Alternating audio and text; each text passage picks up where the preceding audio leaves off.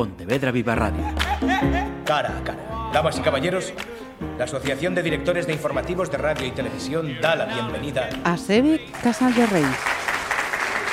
Saúdos, que tal? Poñémonos en eh, situación. Este pasado domingo 19 concluía outra edición do Festival de Curtas de Bueu, o FIC Bueu, Das actividades destes días eh, queda en papel o segundo libro do festival cuxa autoría corresponde ao programador deste evento que xa nos ten acompañado en varias ocasións aquí en Pontevedra Viva Radio. Así que se ve Casal de Rei, benvido de novo. Mm, moitas grazas, ben hallado por volver ao, ao programa e e poder compartir todo o material e todas as cousas que facemos dentro do festival. Xa comenzáis a respirar despois destes eh, nove días de tolemia de, de intensa bueno, actividade. Nove, non, este ano foron dez. Un máis. que, vale. De, dez diñas, sí. A verdade é que, que bueno, foi un... Puf, eh, foi duro por momentos, pero moi gratificante. E, sobre todo, as fins de semana sempre cando se concentran máis cousas, uh -huh. porque despois pola semana é máis rutinario todo. Ajá. Temos aquelas sesións, aquelas horas e, e é como a cousa máis eso, máis diaria, máis normal. Pausadinha. Pero os fins de semana acaban sendo... Moi intensos. Sí, e tes máis convidados tamén no, no festival e, claro, atender a todo, que estén uh -huh. as proxeccións, que, que os convidados estén contentos e gocen do festival tamén bueno, é máis intenso. Uh -huh. o, o certo é que xa ten eh, pillado o punto despois de todas estas edicións, co cal a experiencia é un grado, que se soe, xa, se soe sí, bueno, decir. Xa sabemos un pouco por onde tirar, non?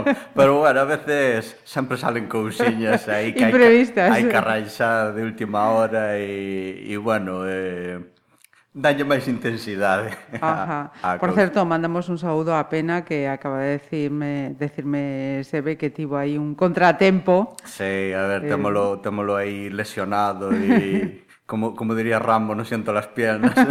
Pero bueno, sí que, que bueno, esperamos que, que se recupere pronto, uh -huh. que xa estes días xa empeza a andar, así que que ahora todo sexa para mellor para ele.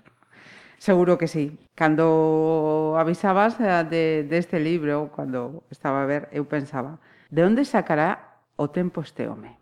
Porque entre as clases como profesor, que xa comenzaron tamén a pasada ah. semana, a cantidade de, de cinema que ves, eh, eu diría que a diario prácticamente. A programación do festival e as, as obligacións diarias, de onde sacas o tempo a máis? Claro para poñerte a escribir os libros? Unha boa pregunta, non, a veces. Pero bueno, eu creo que o a clave do, do éxito mellora un pouco a organización. Uh -huh. Sí que últimamente estou así un pouquiño que, que vou ter que reorganizar, reorganizar a senda. un pouco. Debe ser que tanta organización xa me descolocou e vai haber que volver a reformular. Pero, Ajá. pero, pero sí que ao final é eso, organizarse e tamén horas. Uh -huh. Moitas horas. Eh, canto tempo levou, por exemplo? O, a, a realización do libro? Ajá. Pois tivo varias etapas. O que é a fase de escritura propiamente dita, eh, quizáis o mellor, eh, aínda sin facer esas últimas revisións, pois, se non me lembro mal, foron como mes e medio foi mes e medio aproximadamente. Mes e medio? Sí, foi mes e medio do, do, do verán pasado, ou seja, era unha época na que estaba sí, sí, sí, de vacacións sí. e, e a miña cabeza solamente estaba en isto. Non é que dedicase eh, todo o día a, a, ao libro, pero sí que non tiña outro tipo de, de cousas que... Distraccións. Que, aí estamos, xusto. Así que o que foi esa fase, digamos, de escritura máis propiamente dita foi ese mes e medio. Logo, a partir de aí, ao final, eso estendeuse case un ano máis. Ajá, sí, porque sí, aí sí. empezamos con revisións, revisións moitas veces, pois, eh, hai algún erro, non? Porque, pois, algunha cuestión do, do galego que, que, que é incorrecta, porque moitas uh -huh. veces hai palabras que damos por feitas en galego e resulta que non, non existen en galego, son, uh -huh. son palabras que empregamos do castelán e que están uh -huh. eh, nor, normalizadas no, no día a día, pero non no uh -huh. non son galegas, cuestións desas. E despois tamén o tema da, da traducción. Ajá, porque, porque que claro, decir que inglés, sí, galego, eh, castelán. Eh, eh, no, eh, témolo a dous idiomas. Galego, galego e, inglés. e inglés. Vale, eh, porque, vale. Claro, Perdón. aí tamén intentamos, pois, pois xustificar un pouco a, a identidade do festival, como festival Ajá. internacional, uh -huh. falamos de eh, tratamos temas de de interés sí. internacional, polo tanto consideramos pertinente que eh o galego como idioma de partida a Ajá. hora a hora de de da escritura, e a hora de de presentalo ao noso público, pero despois o inglés como, como idioma de... Da proxección do festival propio. De, claro, da proxección internacional. Uh -huh. E, bueno, esa parte de, de traducción, pois, tamén ten os seus tempos, tamén é importante, e logo está a parte da maquetación, de, de como se diseña todo, a colocación das fotos, todo eso, e ao final va sumando, va sumando, e a cousa... Eleva tempo, se alonga, sen dúbida. Se alonga, sí. Sen dúbida. Este segundo libro leva por título The National Film Board of Canada e a súa idade eh, dorada da curtametraxe. Para os que non sabemos do tema, pregunta obrigada, que é o Film Board of Canada, por favor? Pois Pois aquí a, a cuestión é a seguinte, por que o National Film Board of Canada? Nos, eh, este é o segundo libro xa que sacamos, digamos que entramos xa na, na intención de crear unha colección uh -huh. donde primeiramente a curtametraxe vai a ser a protagonista. Ajá. Uh -huh. Eso é o, o primeiro paso fundamental porque o noso festival é de curtametraxes, polo tanto, a nos gustanos pois que, que, se, que se lle dé esa visibilidade e a divulgación da curtametraxe como, uh -huh. como elemento co, concreto. O ano pasado, no primeiro, pois o centramos nunha, nun movimento cinematográfico, un movimento cinematográfico icónico por excelencia, como era a Nouvelle Vague francesa. Uh -huh. E claro, este ano a idea era, bueno, pois, xa que temos un movimento, pois, vamos agora eh, ir cara a outro marco e, eh, e, eh, e pensamos na posibilidade, pois, igual, centralo nunha produtora uh -huh. e dar visibilidade tamén aos traballos dunha produtora, pois podría ser unha boa idea. E no momento que eso xa, xa o contemplamos como, venga, vamos alá con, con esta idea, pois a, estaba o seguinte paso.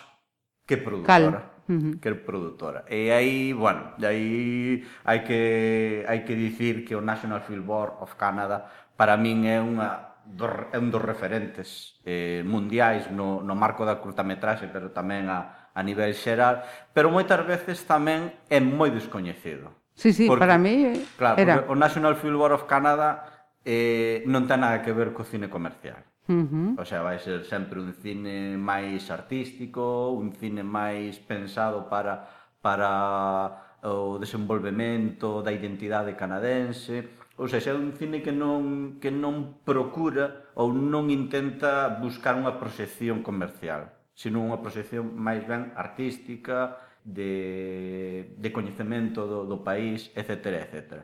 E claro, eh, como produtora existe desde eh, 1939, ten 82 uh -huh. anos xa de existencia e o seu catálogo é duns 13.000 títulos. Ou seja, como produtora ten material eh, Tabondo, as gallas sí, para, uh -huh. para, para tratar, ou seja, para escribir sobre ela. E claro, precisamente como a produtora estaba clara, porque unha produtora con, con máis títulos e, e, e dunha calidade non o vamos a topar a nivel de curtametraxes. Mm. Eso, mm. eso está, está moi claro. Pero despois, claro, o material era inmenso, había que acoutar un pouco tamén. E aí é onde intentamos atopar, bueno, dentro de toda a importancia desta produtora, cal vai a ser a súa idade dourada. E aí a fixamos eh, nese punto intermedio entre os anos 60 e principios dos 80. Uh -huh. Antes de preguntar precisamente por ese, ese tempo, esa franxa tem, temporal, eh, corríxeme se, se estou equivocada, leía que é unha organización pública. Sí, señor eh, ademais de ser unha produtora eh, con moitísima importancia no país, esa importancia ben derivada que é unha produtora que depende do goberno. Unha desas moi poucas produtoras nacionais que existen eh, no, no mundo e que ao final vese que ese traballo eh, e eh, esa mentalidade canadense é a que ao final permite que exista como ente público e a máis exista con, eses, con esas características que che dicía antes, ese, ese, esa preocupación polo artístico, polo, polo eh, moitas veces tamén polo desenvolvemento tecnolóxico. É unha das, das cuestións das que comento no libro é que a día de hoxe sigue sendo moi importante porque, por exemplo, actualmente o, o National Film Board sempre se dividiu en departamentos. Uh -huh. Hai como departamentos especializados. A día de hoxe son 10 departamentos nos que unha das primeiras cousas é que se respecta o tema idiomático, hai seis departamentos en inglés, catro departamentos en francés. francés. Pode parecer ao mellor que hai un desequilibrio, pero non é tanto, porque sí que ao final eh, a parte francesa é unha provincia sola, e o resto do país, que son, uh -huh. non me lembro ahora cantas provincias son, son en inglés, así que eu creo que eh, existe ese 6-4, pareceme... Uh -huh Mm, equitativo. Incluso mm. incluso bastante ben para para o, para a parte francesa. E dentro dos dous marcos hai un dos estudos que está centrado solamente en contidos interactivos. Uh -huh. Elementos así como, como apps para móvil, eh, realidade virtual, realidade aumentada, incluso algún videoxogo. E claro, esa parte non é, non é a que eu sigo uh -huh. tanto, pero polo que teño visto eh, nos, nos premios especializados nese marco, que non son tan coñecidos, si que tamén son eh, están á vanguarda, sempre sempre están aí como como os principais. Ou sea, xa que dende 1939 seguen aí ao, sí, ao pé. Sí. A, a tope, eh... claro, a ver, se si falamos dos anos 60, por exemplo, pois pues aí traballaban dende esa eh, óptica do, da, da tecnoloxía, por exemplo, en facer cámaras para grabacións subterráneas, que permitían facer cousas que que outras produtoras no, no resto do mundo non podían. Uh -huh. Sempre estaban co, co tema da innovación. Outra das cousas que eso comento no libro, porque porque tamén pertence á etapa da que eu falo, é, por exemplo, que foron pioneiros na animación con ordenador tamén. Uh -huh. A principios dos 70, cando, por exemplo, eh, para, para que te fagas unha idea, os primeiros referentes da animación por ordenador son Tron, do 82, que uh -huh. é cando se integra como efectos especiais de forma eh, importante, é a primeira produción de Pixar, que é algo así tamén como uh -huh. o gran referente, eh, é do 84. Uh -huh. Así que estamos falando de que avanzados no tempo. Anos antes xa eles xa facían traballos uh -huh. con ordenador. Xa nos estás a avanzar unos eh, cantos datos, pero que, que, que ocurre? Que pasa coa, coa curtametraxe ne, nese tempo, 1965-1983? Bueno, moitas cousas. Ese quizáis sexa o, o motivo principal, porque collamos a etapa que collamos do National Fieldwork, sempre vamos a topar eh, traballos de relevancia. Uh -huh. Eso, eso é indiscutible. Eh, eso hai que telo claro. Nun eh, primeiro capítulo que fago é facer un pequeno repaso histórico de todo de todo National National Fieldboard para que a xente un pouco se contextualice. Ubica. Saiba, saiba pois como nace, que cales son as primeiras inquedanzas nesa primeira etapa, como evoluciona. Isto, dentro do que é o meu desenvolvemento, sería a terceira etapa. Uh -huh. E logo desta aínda eh, marco tres etapas máis ata o día de hoxe Que por exemplo a etapa de hoxe titulei na etapa da digitalización uh -huh. Porque é un do, dos, dos valores máis importantes E porque ao final se escolleu esta? Pois o, o que che dicía, podía haber escollido prácticamente calquera delas, pero quizáis eh, nesta etapa é donde se concentra un maior número de eventos. Eventos incluso a nivel xeral, non, non de películas boas, sino, sino de, de eventos, de, de, de elementos que xorden neste momento.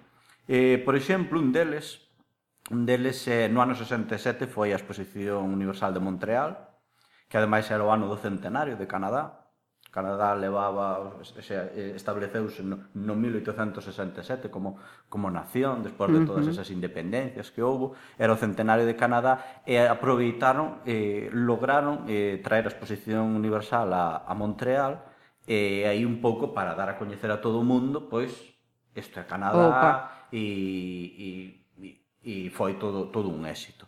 E unha das cousas que sucederon nesa exposición foi a creación dun pabillón que o que o levou a cabo o National Film Board, donde aí iban a proxectarse uns filmes cunhas características moi particulares. De feito, o pabellón tiña tres salas. Unha das salas tiña forma de L. Ou seja, proxectábase nunha parede vertical, pero tamén se proxectaba no chan. Uh -huh. Unha proxección a unha escala inmensa. Me parece que, que todo o longo da proxección collendo a L completa eran como 13 metros aproximadamente de proxección en 70 milímetros. Esta mm. era a primeira, a primeira sala, e donde as dúas imaxes, obviamente, son dous proxectores diferentes, pero están perfectamente coordinadas e se, e se complementan.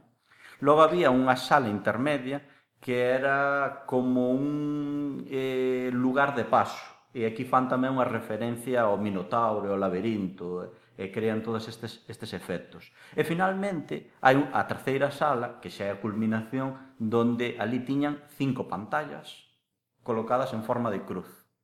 Tres así en vertical e, e, e ao final acaban Ajá. quedando tres tamén en horizontal porque unha, uh -huh. unha é, é, é común é com...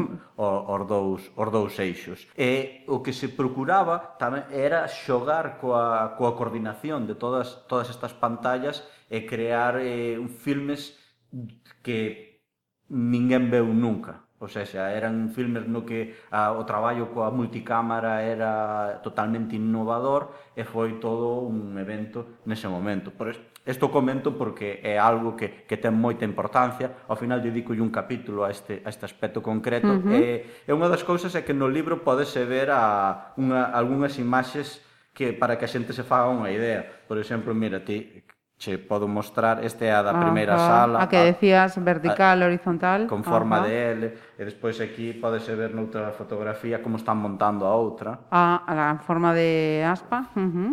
E, e nada, é un elemento moi importante. E, por exemplo, moita xente seguro que non o sabe, e todo este traballo, e a xente que traballou aquí, moitos deles despois fundaron unha empresa pola súa conta donde seguiron traballando con estas pues, con estas innovacións. Sabes uh -huh. como se chama esa empresa? No. IMAX. Hostia. Polo tanto, IMAX, en moitos sentidos, é algo Uh -huh. non ten que ver no sentido Uh -huh. directo con National Football, pero, pero é orixe, algo que sur... nace porque claro. o National Film Board permitiu financiamento para poder facer todas estas uh -huh. innovacións, investigacións, e logo xa esta xente pois se foi por polo seu lado e, e fundou a, a compañía. Ajá. Estamos falando a máis de, de unha década. Pensemos como estábamos aquí en, en España, por exemplo. No 67. bueno, en España xa empezaba a haber bikinis, pero bueno. Era, sí, era pero vamos, anos luz. Era algo que iba, iba arrancando pouco oh, a pouco. Oh, sí. oh. Eh, e as curtas?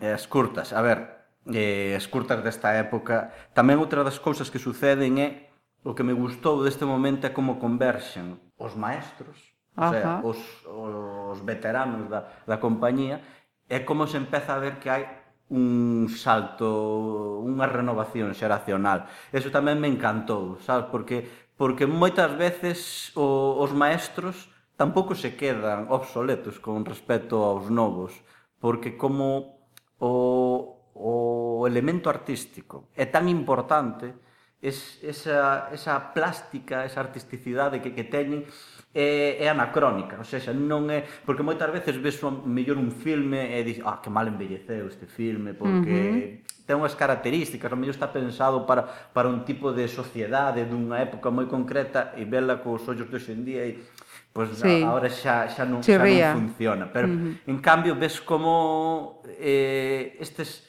estes dous tipos de xeracións existen no mesmo momento e, e, e é magnífico ver como, como se complementan tamén entre sí. Por exemplo, a ver, todos os que os que lle gusta o mundo do cine a un nivel xa moi profundo, por exemplo, Norman McLaren é, é, é dios. Uh -huh. É case un dios para, para todos, eh, porque a súa, a súa importancia histórica no mundo da animación, que moita xente posiblemente non o coñeza, porque, claro, é anti-Disney, o sea, non ten nada que ver Norman McLaren eh, innovaba sobre técnicas de animación. Por exemplo, unha das súas técnicas era pintar directamente sobre a tira de celuloide. Uh -huh. E pintaba fotograma a fotograma. E logo, cando pasaba a tira, tío, que ves son os dibuxos Ostras. que el fixo manualmente sobre, sobre o propio eh, soporte. Uh -huh. Entendes? Despois, outra das técnicas que tamén el utilizou moito foi a, a pixilación, que a pixilación é a animación de persoas. O sea, supoño que coñeces o stop motion, que stop consiste en facer eh, unha foto, eu fago outra foto, e despois, cando teño montas, Ajá. as montas e, e, a, e se produce o movimento. Mon... Uh -huh. Pois eu o que facía era aplicar este stop motion a persoas de, de carne e oso. O sea, que as persoas non necesitan moverse mediante fotos, sí. pero el facía animacións deste tipo. Eh, gañou o, o Oscar con unha curta destas características no 52, Neighbors, que se sale fora do noso eixo para que vexas que filmes importantes hainos en, en calquera momento.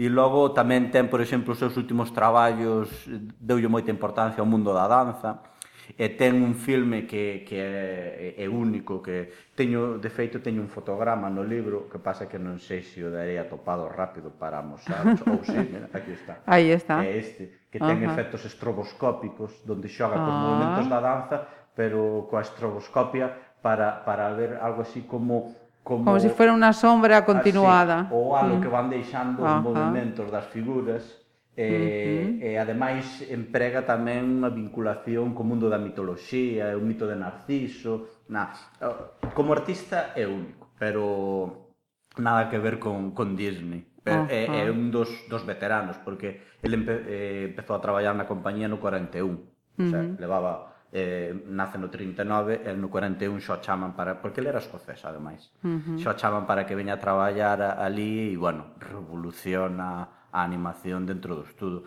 e despois hai outros que son pois como a Nova Fornada un director canadense moi coñecido como é Denis Arcand un director eh, francófono eh, Os seus primeiros pasos tamén os deu aquí na, na compañía, a mediados dos 60, nunha época na cal a, a efervescencia do Quebec estaba empezando a, a ter unha importancia e, e a, a buscar esa revalorización do, do que eran os francófonos no Canadá e que máis tarde dará lugar a, a referéndums e todas estas cousas. E Denis Arcán é un director pois que, que é fantástico ver tamén, porque claro, moita xente coñece de Nia Arcan pois, de Jesús de Montreal ou Las Invasiones Bárbaras que con ese filme gañou o Óscar a, a mellor filme estranxeiro uh -huh. isto xa fora do National pero os seus primeiros pasos están onde están están aquí, están aquí e, é interesantísimo ver pois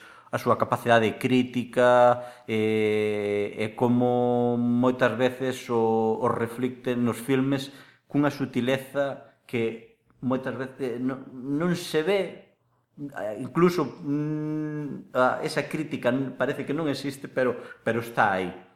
Uh -huh.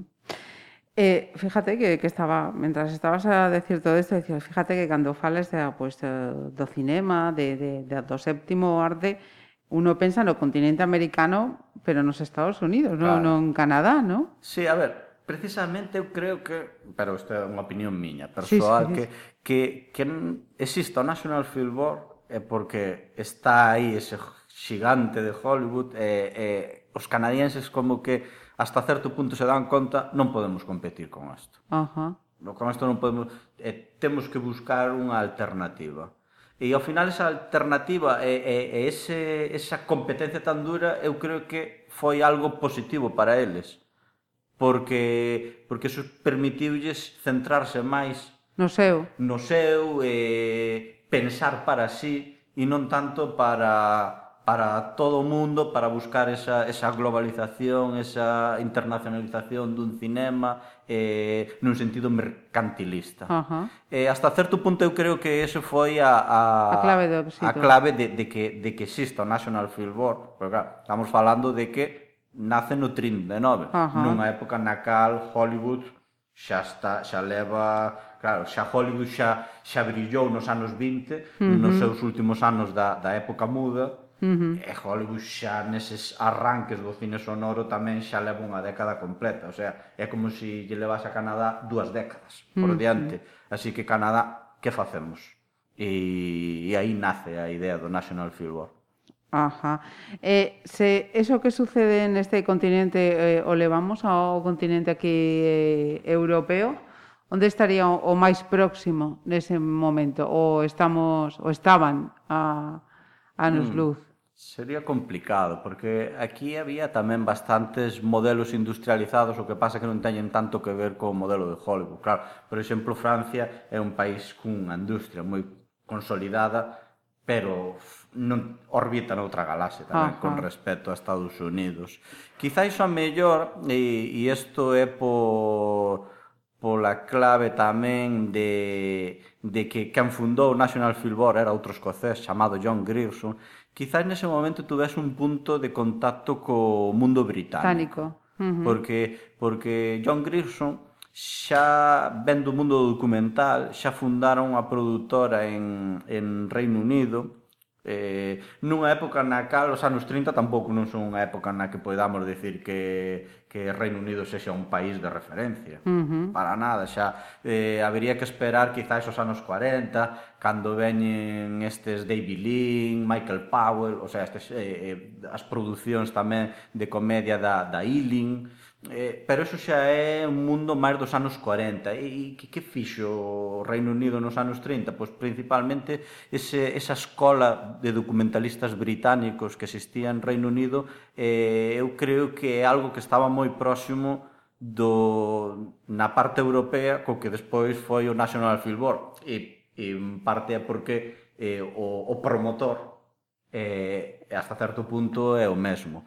Porque tamén esta escola era algo que dependía do Estado, no caso británico. Ajá. Eh, que aí, pois, eh, eh, as características dos principios eran moi similares.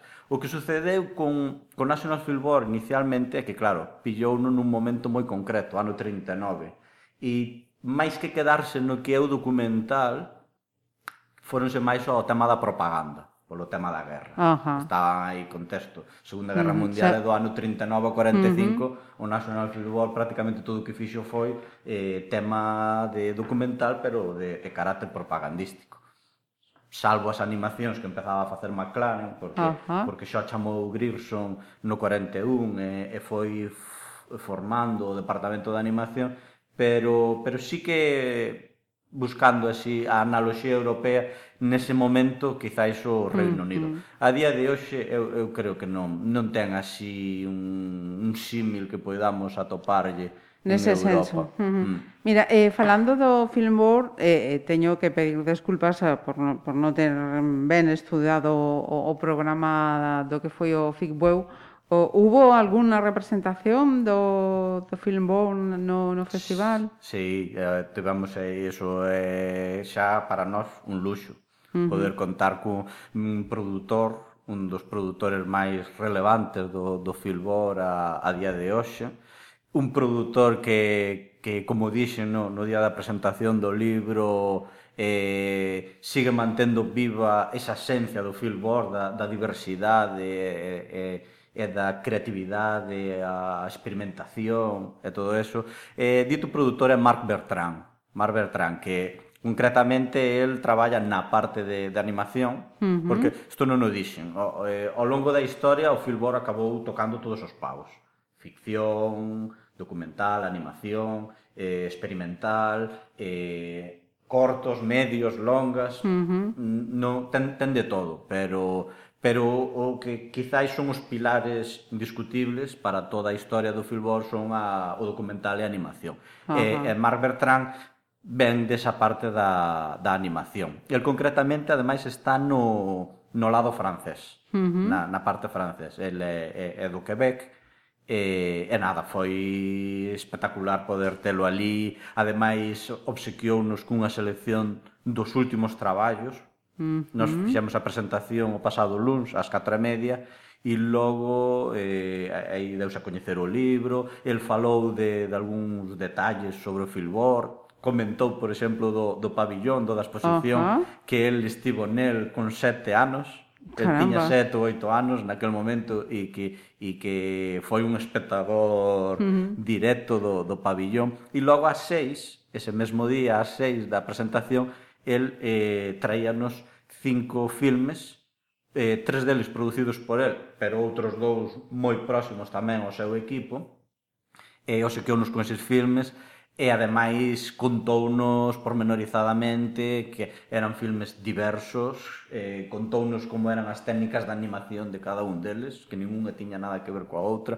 Por exemplo, un dos filmes era espectacular no sentido de que empregaba unha técnica chamada encáustica a primeira ocasión en cáusticas, sabes? Eu tampouco. Polo visto, a cáustica é unha técnica pictórica que se utiliza moito no mundo ortodoxo, que utilizan como como velas e resinas, e esas resinas despois son as que moven para crear a, a pintura. Pois agora fai isto nun filme, donde cada fotograma é unha pintura. Uh -huh. Boa, un traballo loquísimo. Se, se a xente busca, ou calquera busca en cáustica na, na rede, pois o que aparece directamente é, é, é como técnica pictórica. E, de feito, el e todo o mundo, salvo que eh, hai alguén que diga o contrario, é a primeira vez que se fai un filme de animación con esa técnica ah, que lle levou facer oito anos, nada máis, e eran 20, 27, 28 minutos, non era unha longa metraxe, era, sí, sí, a ver, sí. era unha curta dunha duración considerable, xa casi, casi media hora, pero oito anos de traballo. Caramba, caramba, caramba. O libro é recomendable mm, para persoas con coñecemento do cinema, para persoas básicas, como a, como a mí mesma, Quen, quen recom a quen recomendamos a, a lectura? Pois eu creo que calquera das dúas podería sacar moito en limpo deste libro. Ajá. Porque os que, os que sexan máis coñecedores da época... A ver, eu eh, supoño que xa te darás conta de que son fanáticos... Son, no, no, o, son, o nivel o nivel que son, tes, vamos... Eh, mm, eh. son seguidor aí a tope do, da, da, da compañía, pero obviamente non non coñecía todo. Ajá. A hora de, de cantar, vou facer o libro, vou nos entrar nesta época, vamos a documentarnos, con o sea, todo. vamos a entrar aí ata, ata o pozo. E de feito, falando, falando con Marco outro día, Ajá. o produtor, e dicíame que eu vi máis filmes do National Film Board que el. Que el mesmo. claro. Lo creo, ay, totalmente. Aí contando, claro, porque a veces falaba yo dun filme e el, ah, non o coñezo.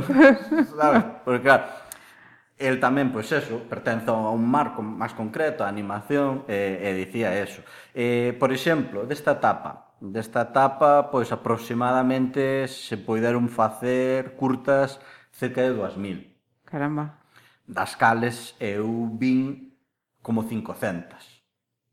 500 eh, das que eu tiña visto, pois non sei, eh, non creo nin que chegase ao 20%, o sea, moito material era novo porque quería ter un coñecemento ben amplio para poder despois eh, realizar o libro e sacar unhas conclusións tamén. Ajá. Eh, de tal maneira que eh, calquera que sexa coñecedor do National Film Board, pois supoño que lle pasaría un pouco como a min, que coñece aquelas cousas que son moi relevantes, que, que están así como máis accesibles, pero despois poderás atopar moitas cousas que sexan un descubrimento para el. Ajá. E para aqueles outros que non coñezan para nada, eu creo que tamén pode ser unha descoberta moi interesante no sentido de, oh, pois é a primeira vez que oigo desto, pero resulta que aquí hai un, uh -huh. un material, un filón interesantísimo. Uh -huh. Moit, para mí, moitas veces así, esas descobertas que, que, que suceden eh, así espontáneas, eh, a veces incluso as, as colles con máis cariño de, "Buah, que Que pasou? Sorpresa. Por que, por que me había perdido de mm. vestes? Resulta que era, era, era fantástico, non? E, eh, e bueno, se, si, se si a mí me sucede, eu creo que ao, ao, ao lector pois, Ajá. para topar moitas cousas como comentario así así de curiosidade, sí. non? Nos eh, aparecen moitas notas a pé de páxina, hai aquí unha nota a pé de páxina contundente que lle dedico a Kubrick. Toma. A Stanley Kubrick, que Stanley Kubrick non ten nada que ver con National Film Board, pero pero sí que moito dos creadores do National Film Board, mira, é unha nota a pé de páxina, a páxina ah. completa. moito dos creadores do National Film Board eh, eran coñecidos por Kubrick e Kubrick flipaba con eles, ah, falando ah. así un pouco máis eh, eh, non tan formalista, non? Sí, sí, eh, sí. E moitas veces eh, lle pedía ou seja, lle gustaban tanto algunhas das producións desto que lle, que lle solicitaba para que traballasen nas súas películas, que case sempre lle dicían que non. Case sempre lle dicían que non. Eh, hai, por exemplo, un director, eh, Colin Lowe, que realizou unha película sobre o universo no ano 60, titúlase Universe, E esa película encantou, o sea, Kubrick eh, sentiuse totalmente, buah, que é es isto? Claro, donde pode estar a conexión con Kubrick? Por logo el fixo no 68 2001 na Odisea espacial. Uh -huh. Pois el quería que moitas das, das, das efectos especiais e moitas das conclusións que salían nesta película do Filbor aparecesen no seu. Colin Lowe dixolle que non. Pero aquí sucede unha cousiña que ese, ese si lle dixo que si un do equipo do, de The Universe. O que facía a voz en off o, na, na peli de Colin Lowe Universe, logo sabes que acabou sendo na peli de Kubrick. A voz de HAL 9000, unha voz icónica. Así que aí está esa relación. Ah, Despois hai outro director, Arthur Lipset, tamén fixo unha película no 61 que se chama Very Nice, Very Nice, na que eh, xoga coa montaxe eh, dunha forma totalmente única e, e, e tamén co sonido. Eh, Kubrick senteuse impactado por esta película e encargoulle este director encargoulle que fixese o tráiler para a película eh, Teléfono Rojo, Volamos hacia uh -huh. Moscú. Tamén declinou E ao final, quen fixo o tráiler? Fixo o propio Kubrick, pero imitando o estilo de Arthur Lipsick. Así que eh, eu creo que o, os elementos que se poden atopar que calquera lector aficionado ao cine, obviamente, eh, e principalmente uh -huh. no libro eu creo que lles pode ser eh, interesantísimos. Uh -huh. Mira, eh, para poder editalo eh, hubo axuda ou foi todo... Sí, a axuda sempre é fundamental a hora de editar libros, eh, porque queiras que non xa é meterse nun, nun campo un pouquiño un pouquiño complexo que necesita uns presupostos importantes. Uh -huh. E na aquí o, a, o patrocinio da Xunta, sobre todo de, de política lingüística, é un dos dos elementos clave á hora de, de poder, de poder levar a cabo en... estas pu publicacións. Ajá. Eh, unha vez rematado o FICBU, o, onde se pode mercar, atopar o, o libro, se ve? Pois o libro sempre intentamos distribuílo en certas librerías moi, moi concretas. Por exemplo, en Bueu pois temos librería Miranda como unha das principais e tamén librería Abrente, aí poderase adquirir en, en Bueu. E tamén logo intentamos pois que, que aparezca nas, nas principais cidades de Galiza.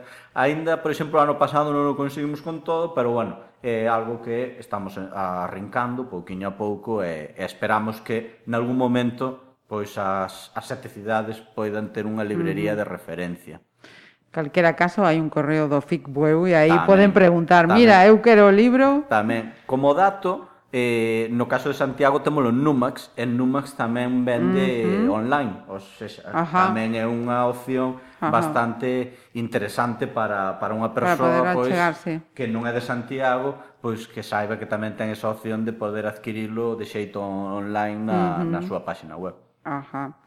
E, e foron algúns libros xa para Canadá ou non? Sí, sí, demos aí eh, o primeiro deles para Mark, obviamente, Ajá. que era o noso convidado.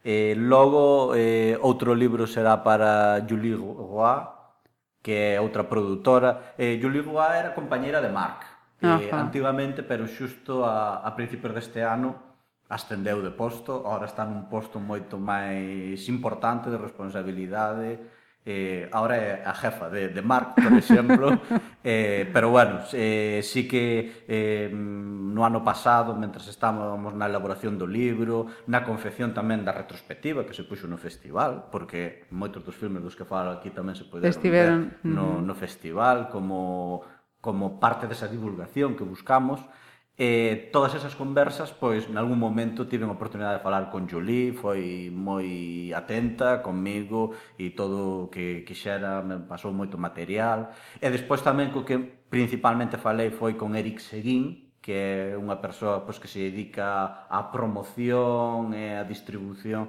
dentro da compañía. Tamén estaba Claude Lor, que é o, o, o responsable da fototeca, a maior parte das imaxes que, que aparecen no libro foron cedidas pola fototeca do National Filbore e, e, e foi Clot quen, quen tivo atención para, para, para facilitalas. para, para poder telas no, no libro.